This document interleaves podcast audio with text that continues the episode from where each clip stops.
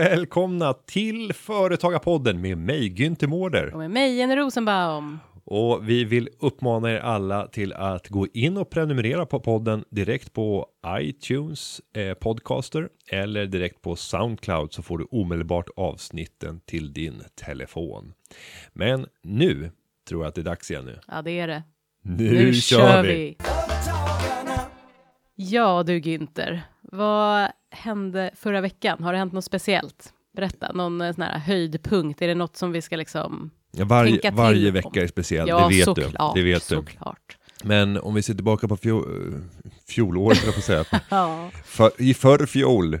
Nej men förra veckan så var det särskilt roligt att få åka till Norberg. Har du varit där? nej, jag tänkte precis sådär äh, pinsamt såhär, Vallagade. Norra Västmanland. Och Norberg har gjort sig känd som en av de orter i Sverige som har tagit emot flest nyanlända i förhållande till sin befolkning. Hur kommer det sig då? Ja, hur kommer det sig? Ja. Man, man har ju fattat beslut om det. Eh, Ja, nå- men varför? För det där tycker jag är ganska intressant. Hur kan det komma sig att vissa kommuner eh, kan, vill eller måste ta emot så många? Jämfört med andra då? Nej men man, man måste ju inte, men Nej. sen är det faktiskt många kommuner i Sverige som har tampats med en jobbig befolkningsutveckling där man har sett hur kommunerna successivt har sjunkit Mm. i, i befolkningsantal. Och då är det klart att det här ses kanske då som en möjlighet att kan vi vända den här trenden? Eh, Men med det så kommer ju också nya typer av, av utmaningar som man måste lösa. För det sker ju inte per automatik, bara för att befolkningen ökar så är- Mm. är det inte guld och gröna skogar. Men vi har tittat då på hur kan vi gå in och göra olika typer av projekt som gör att vi kan öka sannolikheten att de kan utvinna den potential som finns i den nu ökade befolkningsmängd. Och just i Norberg så har vi genomfört ett projekt i, en, eh, i ett asylboende som ligger norr om eh, Norberg och eh, heter Flikens asylboende. Flikens? Och det här är, var väldigt omstritt när det byggdes, för att, eh, eller byggdes, det var en befintlig kursanläggning, en kursgård som inte hade använts förmodligen på väldigt länge. Och sen så såg man möjligheten att här kan vi göra ett asylboende. Och det ligger väldigt isolerat, men ska jag lägga till, väldigt vackert. Mm. Och på det här asylboendet så eh, bor nu drygt 100 stycken asylsökande från mängder av olika länder och de är relativt isolerade från, från verkligheten i övrigt eftersom det är långt att ta sig in till Norberg. Det är, Så det är inte ensamkommande flyktingbarn, bara eh, pojkar? nej, det är Nej. inte, det är inte HVB-hem som, som ofta karaktäriseras av det, Mm. utan eh, här är en bredare, en bredare palett. Mm. Och här har vi gått in tillsammans med eh, lokalföreningen och tillsammans med regionen i, eh, kring Mälardalen och flera eldsjälar inom organisationen och genomfört ett entreprenörsprojekt där eh, de asylsökande har fått eh, testa sin affärsidé tillsammans med riktiga företagare och fått lära sig om svensk affärskultur och på så sätt fått eh, möjligheten att se finns det en möjlighet för mig att bli företagare i det samhälle som jag förhoppningsvis snart ska äntra. Cool idé. Var, var det här din idé? Nej, det var var, det någon nej, det var inte min Nej. idé utan Det var en riktigt cool idé. det var en mängd olika personer som födde de här idéerna som sen strålade samman. Och ska jag nämna några namn så är det Per Wannersjö. Mm. Jag ska nämna eh, Sorab som är regionchef i, i Dalarna. Jag ska också nämna Ove Jansson som Mm. har varit eh, tillförordnad regionchef i En Mälardalen. riktig klassiker. Eh, och jag ska också nämna Martin Elford och mängder av personer utöver dem. Bra. Men, men de här har lyckats skapa det här projektet, de har lyckats hitta finansiering för att genomföra det. Och eh, nu var jag inne på och, och besökte asylboendet för att se slutredovisningen av Mm. det här. Och det var rätt häftigt när man fick se personer. Hur gick det till? Alltså rent så här, satt du och var någon drake och bara så här, du vet, nu ska ni komma fram här och så kommer de fram jättenervösa och ska försöka presentera. Ja men lite, lite Ja. så var det ju. Ja. Eh, totalt sett var vi väl 30-40 stycken i en sal, Mm. eh, som en skolsal. Och eh, sen var vi tvungna att tolka allting. Just För att eh, Man skulle- gjorde det på sitt eget språk. Ja, Mm. eh, och, och de svenskar som kände sig bekväma gjorde det på engelska. Mm. Men gjorde man det på svenska så var det tvunget att först gå över till engelska och sen till arabiska och till persiska. Mm. Och det, det tar ju väldigt lång tid Mm. när man ska presentera någonting och varje mening ska tolkas. Så det är en Ja. väldigt speciell teknik att tillämpa. Eh, men allra bäst gick det ju för de som hade engelskan. I, och det, det förstår man ju. Eh, har man engelska språket i Sverige så kommer man rätt långt. Ja. Och det var särskilt en person som hade startat någonting som man kallar servicegruppen. Som ser väldigt lovande ut. Som handlar egentligen om att utnyttja potentialen i RUT och ROT-avdraget och erbjuda tjänster. Och därmed kunna skapa mängdjobb och kunna ta helhetsansvar för saker i- och kring hemmet. Och bra, bra genomtänkt och, och just det här att han hade verkligen grundtänket om att service är viktigt. Det är upplevelsen hos kunden som är det viktiga. Eh, och att försöka drilla alla att tänka likadant i serviceerbjudandet. Så att jag tror att han skulle gå långt om han fick förverkliga den här affärsidén. Sen är utmaningen att just den här personen, Gabriel, han eh, kom från, kommer från Libanon. Mm. Så han kommer med största sannolikhet inte att få asyl Han kanske i kan Sverige. öppna, starta det där företaget i Libanon då? Fast Ja. då blir det lite svårt med RUT och ROT kanske. Just. Ja. det, det tror jag inte finns där. Nej, nej in, in, inte, inte RUT och ROT-avdrag, men däremot så finns det nog en väl utbyggd eh, sektor för Ja, att det eh, finns hjälpa det till. garanterat, men det heter ju inte RUT och ROT. Nej, och, och den är förmodligen betydligt bättre utvecklad Ja, än vad den är i Sverige. Sen så kan jag konstatera att i det här isolerade samhället, fliken, så hade man verkligen gjort det bästa av situationen. Det var en fantastisk ledare för asylboendet som engagerade sig, gjorde en matfestival för några veckor sedan. Mm. Under tre dagar så kom det 1500 människor Oj. till den här kursgården för att äta eh, god mat. Mm. Eh, Så de hittar på väldigt mycket grejer och försöker göra det bästa av situationen. De fick bygga en gärdsgård. Eh, Det är liksom så jag får skämmas, jag kan inte bygga gärdsgård. inte du snickare? Jo, Nej. men, men eh, Det är svårt att bygga gärdsgård så, kanske. sånt, sånt eh, har de fått lära sig där Coolt. ute. Nej, så vi har en mängd olika projekt där det här är ett av dem. Mm. Och vi pratar om nyanländas företagande. Vi har tagit modellen för ung företagsamhet. Där använder man i gymnasieskolan ett övningsföretag. Och där vill vi nu testa på de som har fått uppehållstillstånd att kunna låta dem få starta ett övningsföretag, få driva det under en period, få coachning från en riktig företagare i Sverige och på så sätt bereda möjligheten att kunna starta upp en verksamhet. Men sen handlar det också om att kunna komma ut som praktikant. För att om man ska vara eh, lära sig ett samhälle så handlar det om att man måste vara tillsammans med de människor som man ska interagera med i det samhället. Och då är praktikplatser helt, tror jag, lysande De är grymma. för, för att lyckas lära sig de sociala Mm. koderna. Att sitta på SFI, eller oavsett om vi hade kommit till något annat land Mm. och, och sitta med andra eh, utlänningar och försöka lära sig språket Mm. och kulturen. Det blir inte riktigt lätt, eh, eller riktigt rätt eller lätt. Mm.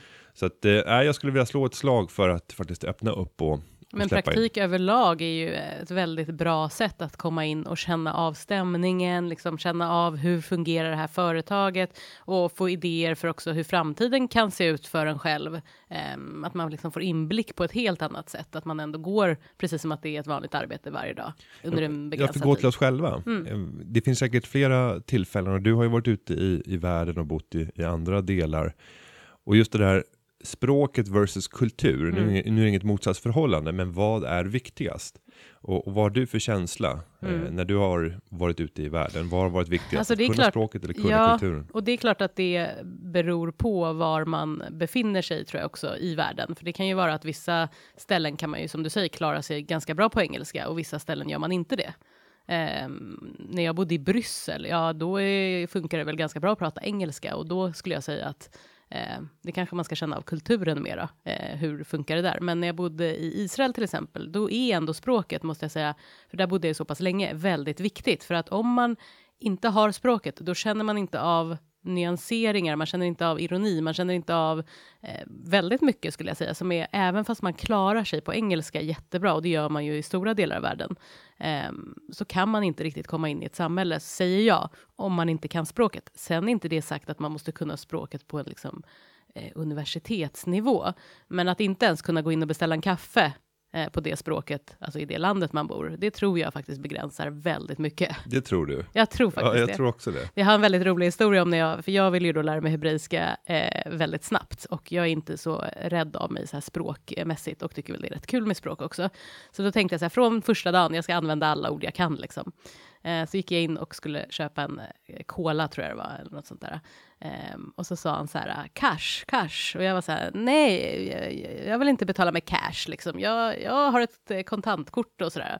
Och då bara skrattade han åt mig, då cash, det är sugrör. Mm. Och det är såna här små grejer, alltså så här, och, då, och då visste jag ju det sen, jag kommer ju aldrig glömma vad, vad sugrör heter. Och så fortsätter man, och så fortsätter Alltså det är ju, det finns ju en charm med att kunna ett språk, helt enkelt.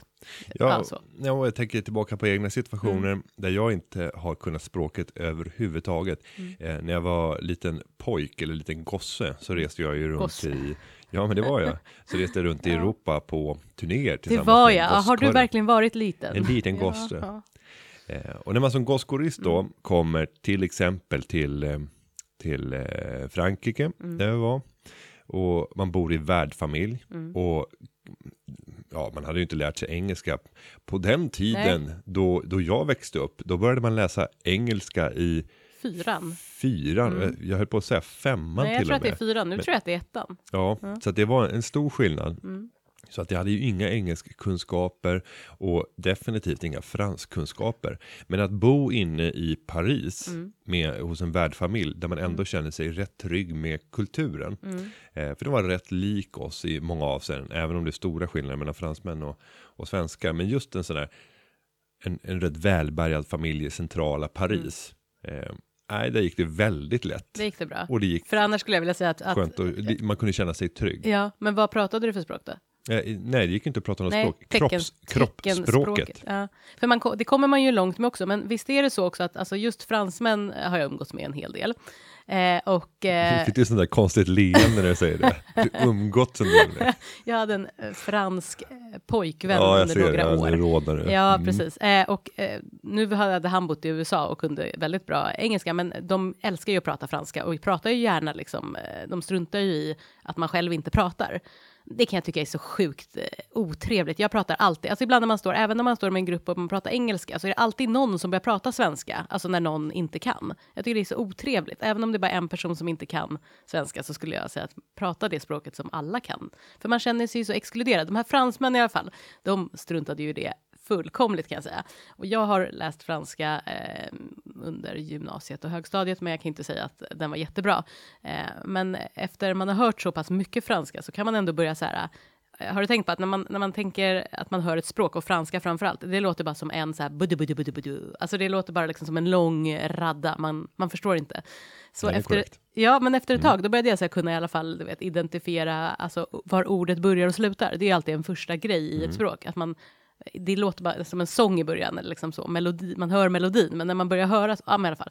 Så någon gång var, stod jag och så pratade jag eh, väl mest engelska, men jag sa i alla fall några meningar på franska, alltså de blev helt överlyckliga. För började pratade bara franska efter det. Nej, men folk blir ju väldigt glada när man pratar eh, det språket. Framförallt, många människor är väldigt obekväma med att prata eh, alla olika språk, eller på att säga, men alltså även i Sverige om någon pratar engelska, det är många som inte tycker om att prata engelska. Och då blir ju folk väldigt glada när man i alla fall försöker. Eller håller du inte med?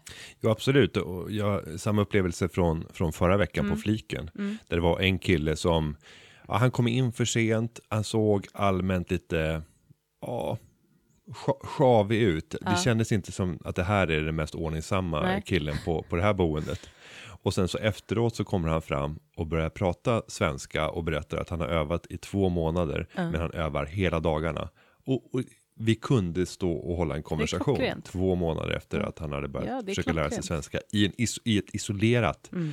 Eh, boende mitt ute i skogen. Så han har inte haft några goda förutsättningar. Och då helt plötsligt så förändrades ju hela min bild av den här personen Mm. som en hårt arbetande person som ville lära sig, Mm. liksom ville hitta möjligheter. Jo, men alltså jag tror att mycket, och det, det du säger stämmer, för att jag var likadan när jag bodde i Israel. Jag började ju prata i princip då direkt och man blir ju bemött annorlunda. Sen ska jag inte säga att man så här är en slacker om man inte kan snacka språket, för det handlar ju också om att mm, dels att man har ett intresse av det, sen är det ju kanske att man ändå är lite språkbegåvad skulle jag säga, för då blir det ju lite roligare. Alltså kombinationen där är ju bra. Eh, men jag tror ändå på att man ska eh, försöka och, och, och komma ut. För det är ändå jobbigt. Tänk att sitta på möten. När jag jobbade i Israel, det är ju jättejobbigt att sitta på olika typer av möten och inte förstå eh, vad som sägs. Även om man då själv kan ställa en fråga på engelska. Och samma sak eh, här i Sverige såklart. Att, jag menar fikaraster, det är väldigt mycket som sägs på pauser. Alltså på, på raster och man miss, kan missa saker och sådär. Ja, Så jag, jag skulle säga för att, att svara på din fråga, alltså så här, sammanfattningsvis så tror jag språket är väldigt viktigt faktiskt. mm. Vi ska gå vidare. Ja, Jag tror att vi har fått en, en lång fråga här från MD i Uppsala som vill ha en hisspitch. Ja. Och Ska vi börja med hisspitch? Vad är en hisspitch? ja men en hisspitch det är ju någonting eh, som man ska kunna pitcha, en idé man ska kunna pitcha under tiden man åker hiss med exempelvis en mycket mäktig eh, person, en, kanske en vd, en eh, herr Günther Mårda. Ja, eller, Nej, men alltså man ska väl snabbt kunna liksom sammanfatta sin idé under den här hissresan helt enkelt för att den här personen ska kunna bli tillräckligt intresserad för att eh, gå vidare. Eller? Och, ja, och i Sverige så har vi ju rätt få skyskrapor. Mm. Ja. Jag vet inte vad den längsta hissresan i Sverige är, men Det är ju inte i alla fall fem minuter. Nej, det kanske är Turning Torso eller något liknande. Och jag skulle tro att eh, börjar man komma upp på 35-40 sekunder så är Mm. det nog väldigt lång tid i ett svenskt perspektiv. Mm. Så då ska man kunna leverera här. Och här kommer första eh, sparken på MD. Vi sparkar på MD och säger det är en för lång hisspitch. Det här är för långt. Ja, det är för Vi långt. måste kondensera Ja. det. Så att det blir tipset. Och eh, man får ju naturligtvis skicka in frågor till podden via hashtag företagarpodden på Twitter eller på Instagram. Sen kan man ju dessutom gå in på företagarpodden.se och fylla i formuläret och det är det som MD har gjort och det är en väldigt lång fråga Ja, det är långt. eh, eller lång pitch. Men eh, Vi ska försök sammanfatta försöka, jag försöker sammanfatta lite här. Ehm, det är då så att MD vill kunna livnära sig på sin enskilda firma som är en firma som håller på med konsult inom pedagogik. Och då har MD tänkt så här att man mejlar ut en kort presentation om vem man är och några exempel på vad man kan erbjuda för tjänster eh, om den här nischen då. Och det de ska hålla på med det är en speciell metod för systematiskt kvalitetsarbete. Det säger mig eh, ingenting, parentes, det kanske säger dig någonting. Mm, Ja, men det kan vara, Ja. det, det kan vara mycket. Men Ja, jag menar det. Ett systematiskt arbete skulle leda till kvalitet. Precis som vi sitter och förbereder den här podden inför Ja. inspelning så gör vi det på ett systematiskt sätt för att säkerställa kvaliteten. Så det är klart, det kan bli väldigt, väldigt mycket och väldigt brett. Ja, nu är den här personen som vi sa då konsult inom pedagogik, men okej. ehm, sen ska man då hänvisa till någon hemsida och där ska det finnas mer information samt ett CV. Eh, och i mejlet så ska det även vara eh, av eh, intresse då att man kanske ska skriva att man kan komma eh, att kontakta en chef via telefon framöver. Sen ska personen, eh, alltså MD då, göra samma sak fast skicka ut via brev och då är det en liten fråga där. Den kan vi ta direkt. Kan det vara bättre effekt att inte bara kunna klicka bort ett mejl? Eh, eller är det så om man får ett brev att man inte ens öppnar brevet? Eh, Ja, den kan vi det är av, ganska avhandla. tidsåtkrävande också att skicka ut massa brev kan jag tänka. Ja, vi kan börja avhandla den. Ja. För att faktum är att eh, just nu så rasar ju eh, antalet försändelser med brev. Mm. Och, och det gör ju att varje brev man får ökar ju i så att säga, exklusivitet. Mm. Och jag har inte, om vi går tillbaka tio år i tiden då antalet brevförsändelser var många fler. Så har jag aldrig, tror jag, bara tagit ett brev utan att öppna det och bara kasta det. Nej. Om det inte tydligt framgår att det här är bara ett rent marknadsföringserbjudande. Mm. Och då gäller det bara att göra så att det inte ser ut som det. Mm. Men om det är handskrivet, Mm. mitt namn och adress, Mm. Självklart Det är klart att man öppna öppnar det. Man blir väldigt skulle spänd på om man har vunnit ett lotteri. Jag skulle, jag, jag skulle aldrig kunna somna. Så bara, "Ah, det här är lite wild and crazy, jag bara slänger det så får vi se. Undrar vad jag missat för någonting. Var det en bröllopsinbjudan? Var det ett tackkort från... Eh, Eller var det en gammal förlorad vän som man nu vill återuppta Ja. kontakten med? Nej, så det är bra. Så konkurrensen har minskat, så jag skulle vilja slå ett slag faktiskt. eh, Skriv brev. För, för att rädda Men post, inte det hashtag också. inte sparad krona. Du har kostnad både för brevet, för frimärket, Nej. eh, så Nej, och, och, nej, och jag kan lägga till även i eh, det, det bolaget där, där jag är engagerad och, och är ordförande, det är ett utbildningsföretag. Och där skickar vi ju som, som huvudsaklig marknadsföring så skickar vi ju ut information om kurserna via postalgång. Mm. Jag gillar att få brev alltså. Och, och, och det är effektfullt Ja. till skillnad från e-posten som Ja, nej, fångas i, eh, ja men om det ens kommer fram. Det. För det kan ju fångas i filtren så att du inte ens hittar det, eller du, du, du, Mm. det når aldrig mottagaren. Och om den når så är öppningsfrekvensen rätt så låg. Så man kan tycka att det känns billigt, men om det inte ger något resultat så är det en dyr kanal. Så jag tycker hela tiden slå ett slag för A och B-testning. Alltså sätt upp två stycken tester mot varandra. A-testet i det här fallet eh, är att du skickar faktiskt fysiskt brev med marknadsföring. B-testet är att du kör det digitalt. Sen så kan man ju gå vidare och börja A B-testa inom sitt segment så att du testar två olika varianter av brev för att se vilken funkar det bäst. Gå vidare med den som var bäst. Gör två versioner av den så att du hela tiden förfinar budskapet. Men det var lite parentes i den här frågan. Mm. Sen är det så att eh, MD vet också att man kan begära, det här är inte riktigt hisspitch så kanske, men det, det här kommer lite juridik in. att eh, MD vet att man kan begära tjänstledigt sex månader för att pröva på. Men eftersom eh, MD nu har haft detta som bisyssla nu när hon varit föräldraledig så kanske det inte går.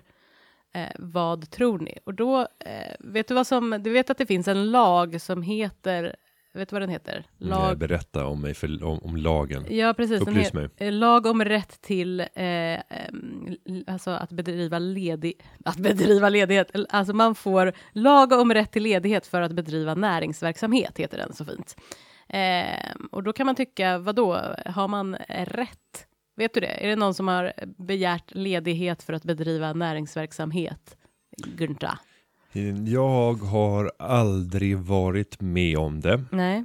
Att man har ansökt om tjänstledighet för att För bedriva nej. näringsverksamhet. Nej, det har jag Nej. aldrig varit med om. Däremot så har jag varit med om personer som har begärt tjänstledighet för att kunna jobba någon annanstans Mm. på någonting icke-konkurrerande. Har Och- du beviljat det då eller har du sagt icke Sannike, du får inte lämna mig? Eh, nej, men i de flesta fall så har jag beviljat det. Mm. Om vi ser bara till det senaste året så beviljade vi en medarbetare att gå över och jobba med eh, en eh, regeringsföreträdare eh, och skulle jobba med att förankra regeringens politik i riksdagen. Och då fick han göra det under en begränsad period och vi visste när han skulle komma tillbaka.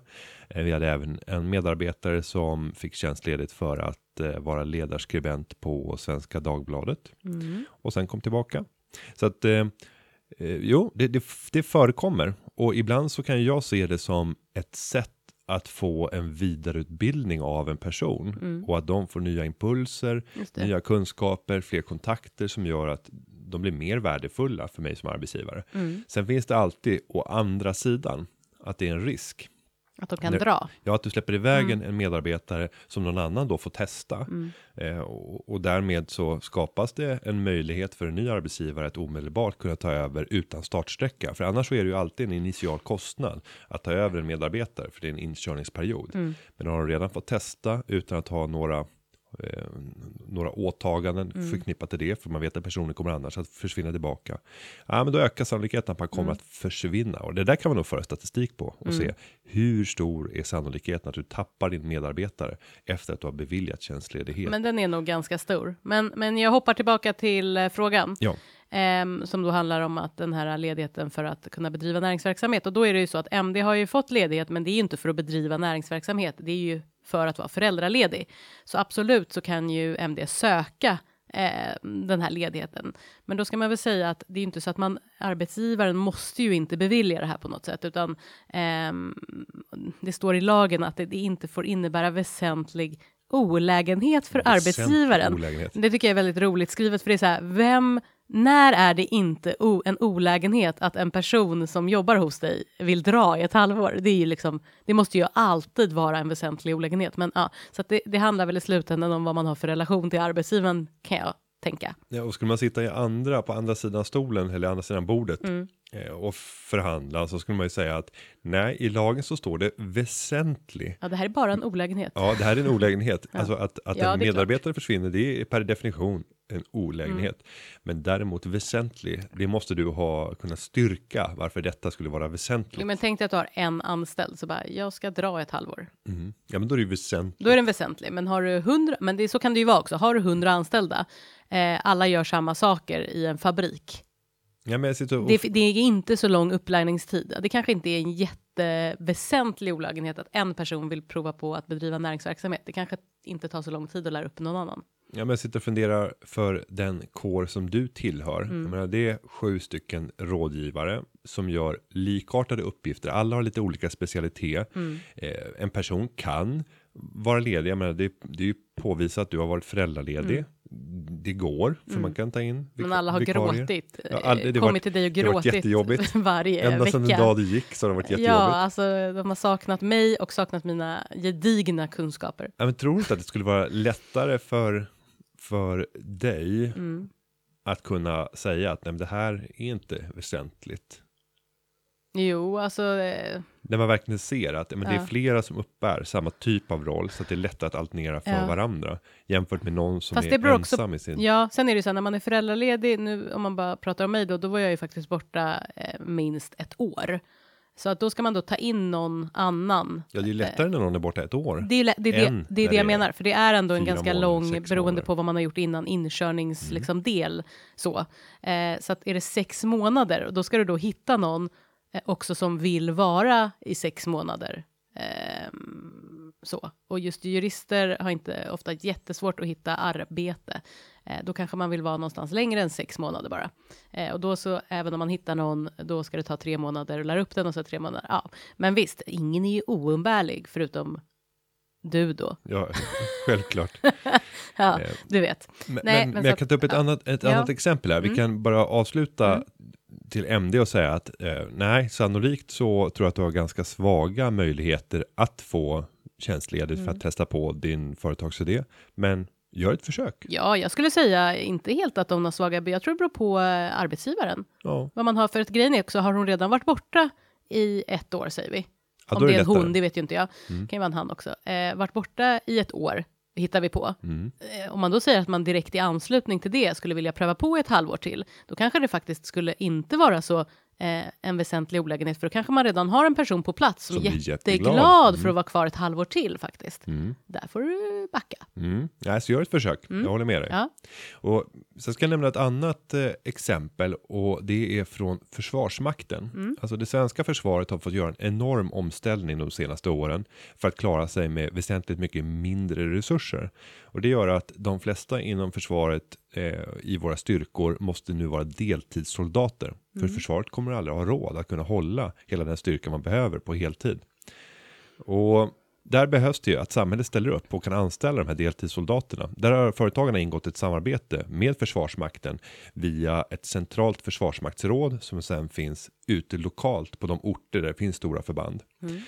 Och det gör att vi samverkar för att hitta en matchning mellan de deltidssoldater som finns som behöver ett, ett jobb till utöver det och de företagare som behöver extra personal som ofta är rätt liksom vast utbildade och ständigt får extra utbildning. De får ju vidareutbildning i sin militära tjänstgöring Mm.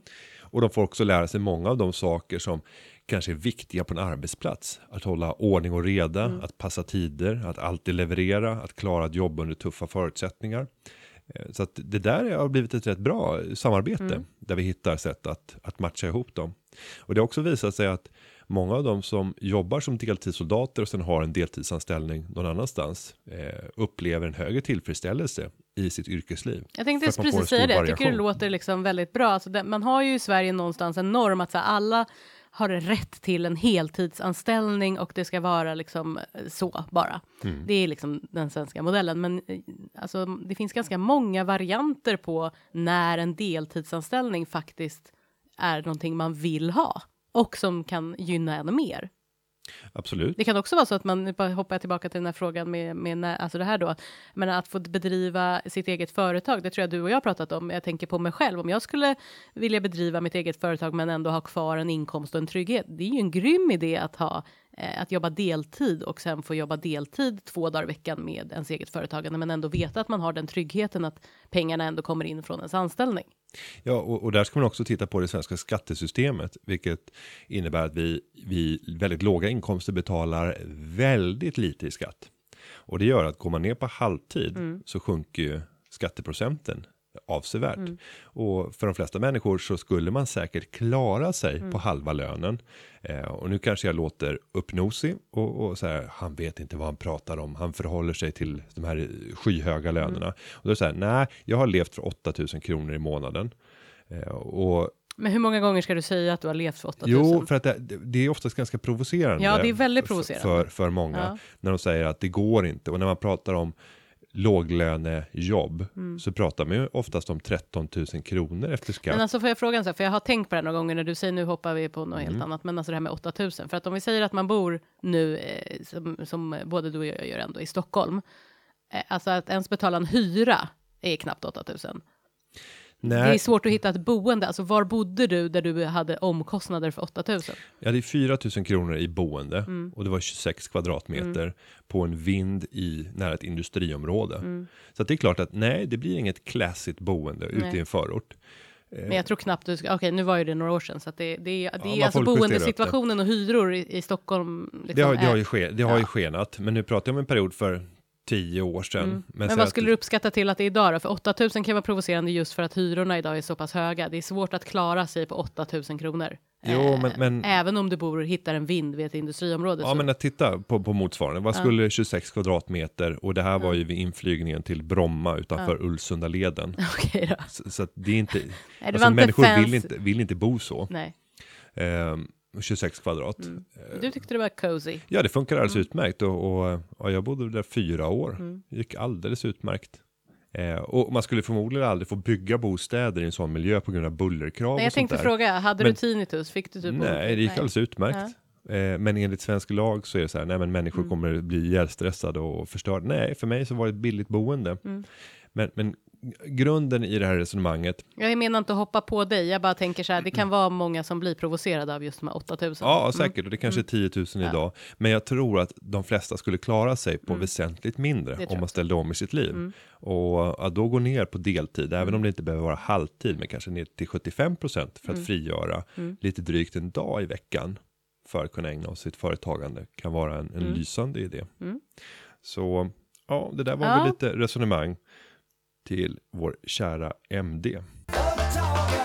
Vi går vidare och då Mm. har vi fått en fråga om eh, möjligheten och rättigheterna i att marknadsföra olika typer av budskap. Det är Fredrik från Karlstad inom kategorin gråzonen. Oj, spännande. Hej och tack för en lärorik och underhållande podd. Tack själv. Bredvid mitt jobb finns en affär som säljer klockor och pennor som har årets största rea på upp till 70% inom situationstecken. Nästan konstant, året om. Finns det några regler för hur ofta ett företag får ha rea? Häromdagen toppade affären genom att ha upp till 75% rea, vilket låter toppen. Men eftersom 70% i rea i princip är normalläget så blir ju det i realiteten bara en rea om 5%. Tack på förhand. Ja, Ja. vad gäller för Fredriks butik här? Men det är ganska klara regler skulle jag säga om man tittar marknadsföringslagens 17 paragraf. Där hittar Just du det, den. svaret. Där hittar du svaret. Eh, Men alltså det, det, man får inte alltid ha rea, utan eh, sammanfattningsvis finns det några punkter, i alla fall i den paragrafen som man kan titta på. Och det är ju att försäljningen måste gälla varor som finns i affärens ordinarie sortiment. Det är en sak.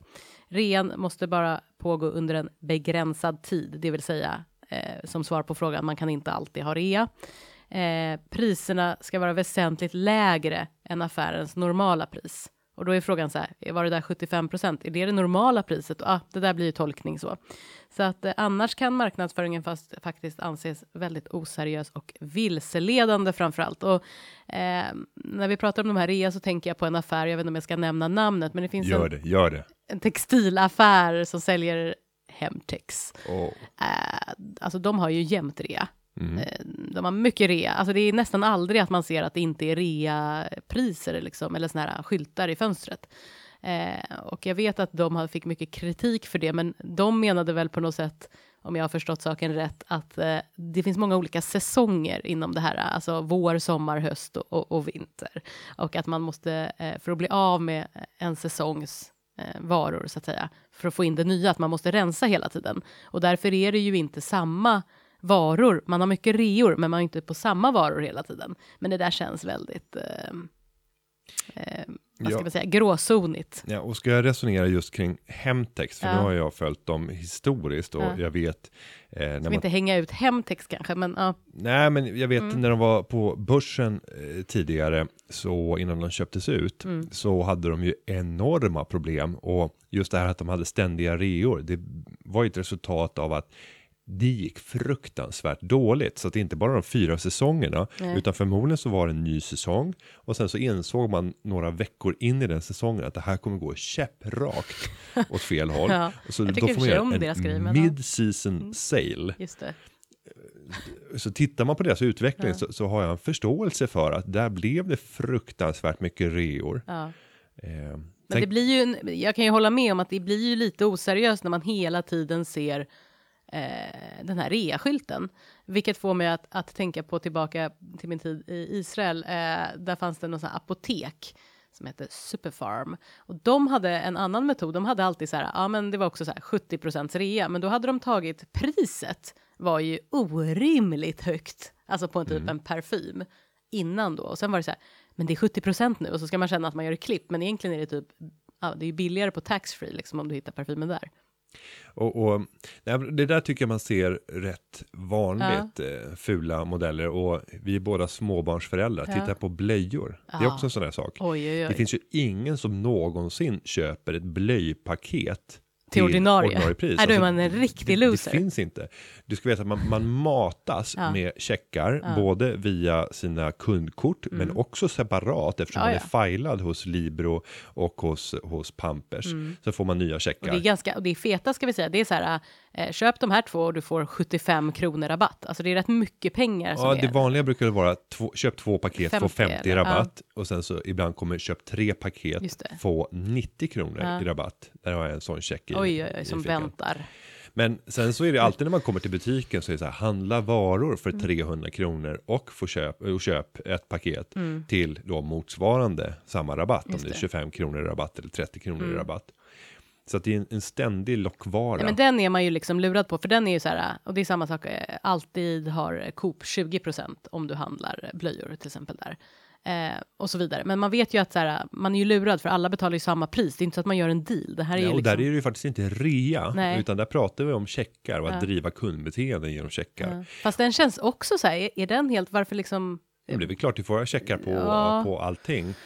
Och, och det Men det är ändå lite vilseledande till det ordinarie priset. Det, det ordinarie priset är ju inte, i och för sig, det är det ju för sådana som då inte har med sig de här checkarna. Men någonting, som, någonting som förvånar mig, Mm. det är att man inte utnyttjar mer de här måste-varorna. Mm. Om vi tar till exempel i Sverige så är ju mjölken helt Mm. helig. Den är inte alls lika helig när man kommer ut i världen. Nej, Men- de har ju inte riktigt samma syn på mjölk. Nej, och inte den enorma Det är konsumtion. helt sjukt hur mycket mjölk du dricker i Sverige. Men tänk dig om Ja. du skulle få en check där det står eh, gratis mjölk, Ja, eh, max två paket, ja, eh, om du handlar för 400 kronor. ja. Bara, du ska, kommer ändå handla för 400 kronor. Du får två gratis mjölk. Och det är ju en, Mm. skitsumma i sammanhanget. Då är det så här, ja men det är max 20 kronor eh, som det där Mm. kommer att kosta i utpris. Tittar man inköpspris så är, är det mycket lägre. Ja. Men det är ändå en känsla av att jag får någonting Ja. gratis. Ja, och det var så här, igår hade John handlat någonting, eller någonting, han handlat mycket, men bland annat såna här barnsmoothies typ. Oj, det är dyrt. Ja, men då var det också så här, eh, få en gratis just. Varpå han hade tagit, men det var så här, tre för, ja, vad det nu var, 25. Och så hade han ju tagit en. Eh, men då hade han ju fått en gratis och då hade ju slutsumman inte... Blivit högre Ja, men alltså så här, äh, så, ja. Sen ska jag säga en annan sak som, eh, det här är bara en parentes, men eh, John läser kvitton väldigt noggrant. Jag läser typ aldrig kvittot och bara går därifrån. Men alltså varenda gång i princip så är det fel. I Mm. Ja. princip, alltså han skulle säga 90 procent och det är inte så här en krona.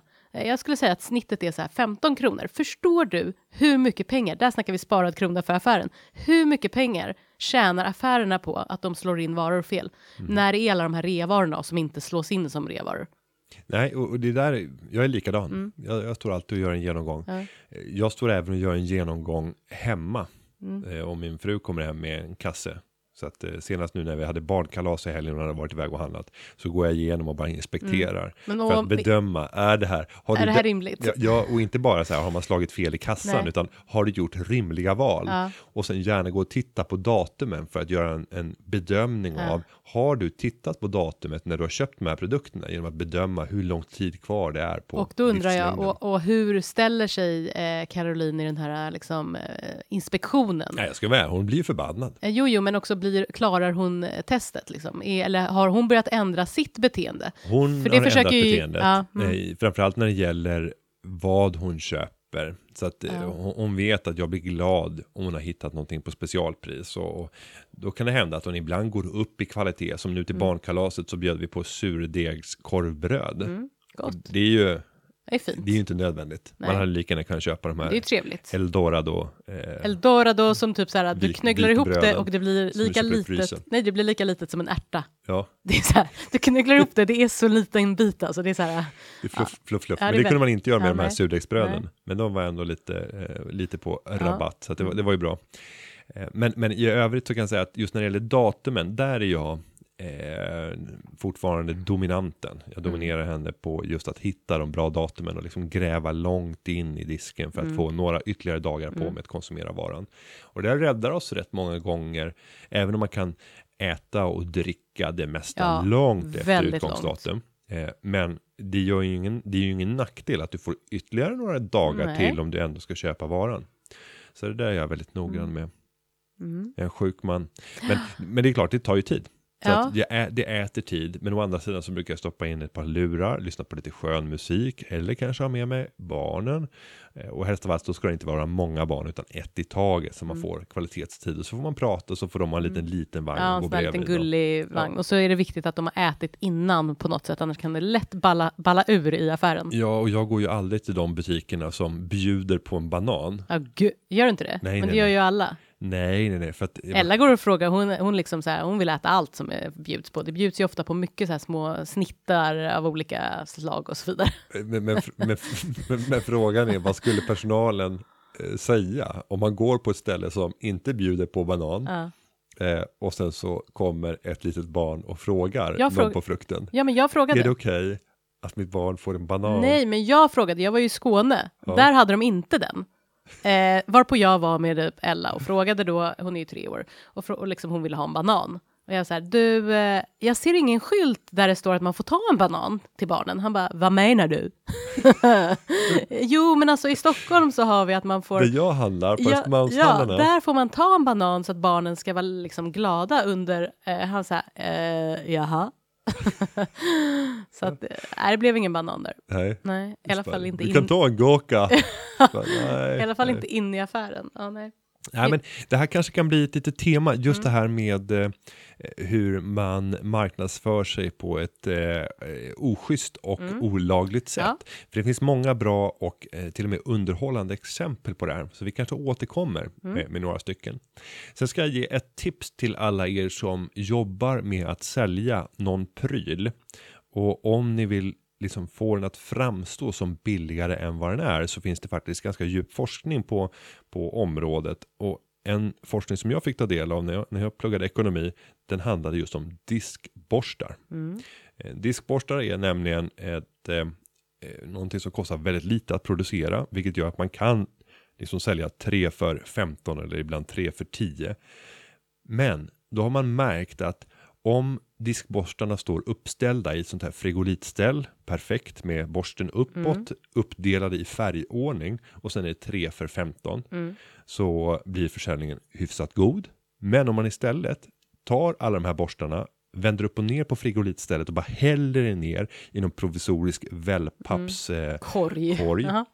Och sen så en stor skylt, passa på, 3 för 15. Sista chansen, sista Ja, dagen. Och det, det är samma pris, Mm. det är samma diskborstar, men då såg man hur försäljningen bara rusade på de här Folk är diskborstarna. så hetsiga och vill inte gå miste om en bra deal. För att man har liksom inte referensramarna. Man, man vet inte vad ska en diskborste kosta. Och gör man då så att det ser ut som att det här är verkligen på väg. Det här, nu är det sista Mm. chansen och det här ser billigt ut och det är uppblandat och det är lite skabbigt. Nu gäller det att passa på innan det är för sent. Mm. Och jag var med om en liknande sak igår med just blöjor. Ett paket i wellpapp, jag menar att köpa en en, ett blöjpaket som är dessutom inslaget i wellpapp känns ju jättekonstigt. Eh, men det hade de. Det var inte fler blöjor i Nej. det här paketet. Eh, och den kostade lika mycket som ett vanligt paket. Men det var bara för att det var inslaget i wellpapp så stod det tillfälligt parti, passa på. Nej, jag tänker inte passa på att köpa till ordinarie pris och ni ställer det här precis vid kassan tillsammans med lite Nej. uppblandade saker med övrigt mycket Nej. rabatt på. Ja. Nej, just, Köper du aldrig godis vid kassan eller? nej aldrig. Nej, nej, det kan jag tänka mig att du inte gör. Är det så här biter i tungan bara, egentligen vill du ha den Nej, där nej, nej, nej. dubbelsnickersen? Nej, nej men jag, Nej, jag är nej, ingen sån. Jag är ingen sån, absolut Ingen inte. gurtegris. Nej, du skulle få se vårt godisförråd hemma. Ja. Vi, vi bunkrar upp och jag har ju dessutom ja, ett, ett av två godisätande barn. Eftersom det tredje inte äter så mycket godis än så länge. Eh, hon äter aldrig upp. Eh, Så, så det byggs upp ett lager av så här lördagsgodis Mm. och grejer och när de får från och så påskäggen äter aldrig upp. Så det, det blir bara mer Mm. och mer och mer. Så att vi har alltid ett, ett stort godisförråd hemma. Okej, man går inte där och nallar. Nej, Nej. nej, det gör man inte. Nej. Det är lördag. Söt saft och bubblig läsk passar endast bra på fest. Bra, det tycker jag, det där, det där är, det är en fin avslutning tycker Ja. jag på, på veckans podd. Ja, men med det så knyter Mm. vi ihop säcken och säger som vanligt att eh, Företagarpodden har klippts av Gustav Dalesjö. Vi hörs nästa vecka. Det gör vi. Tack och hej! Hej hej! Företagarna. Ja, ja, ja,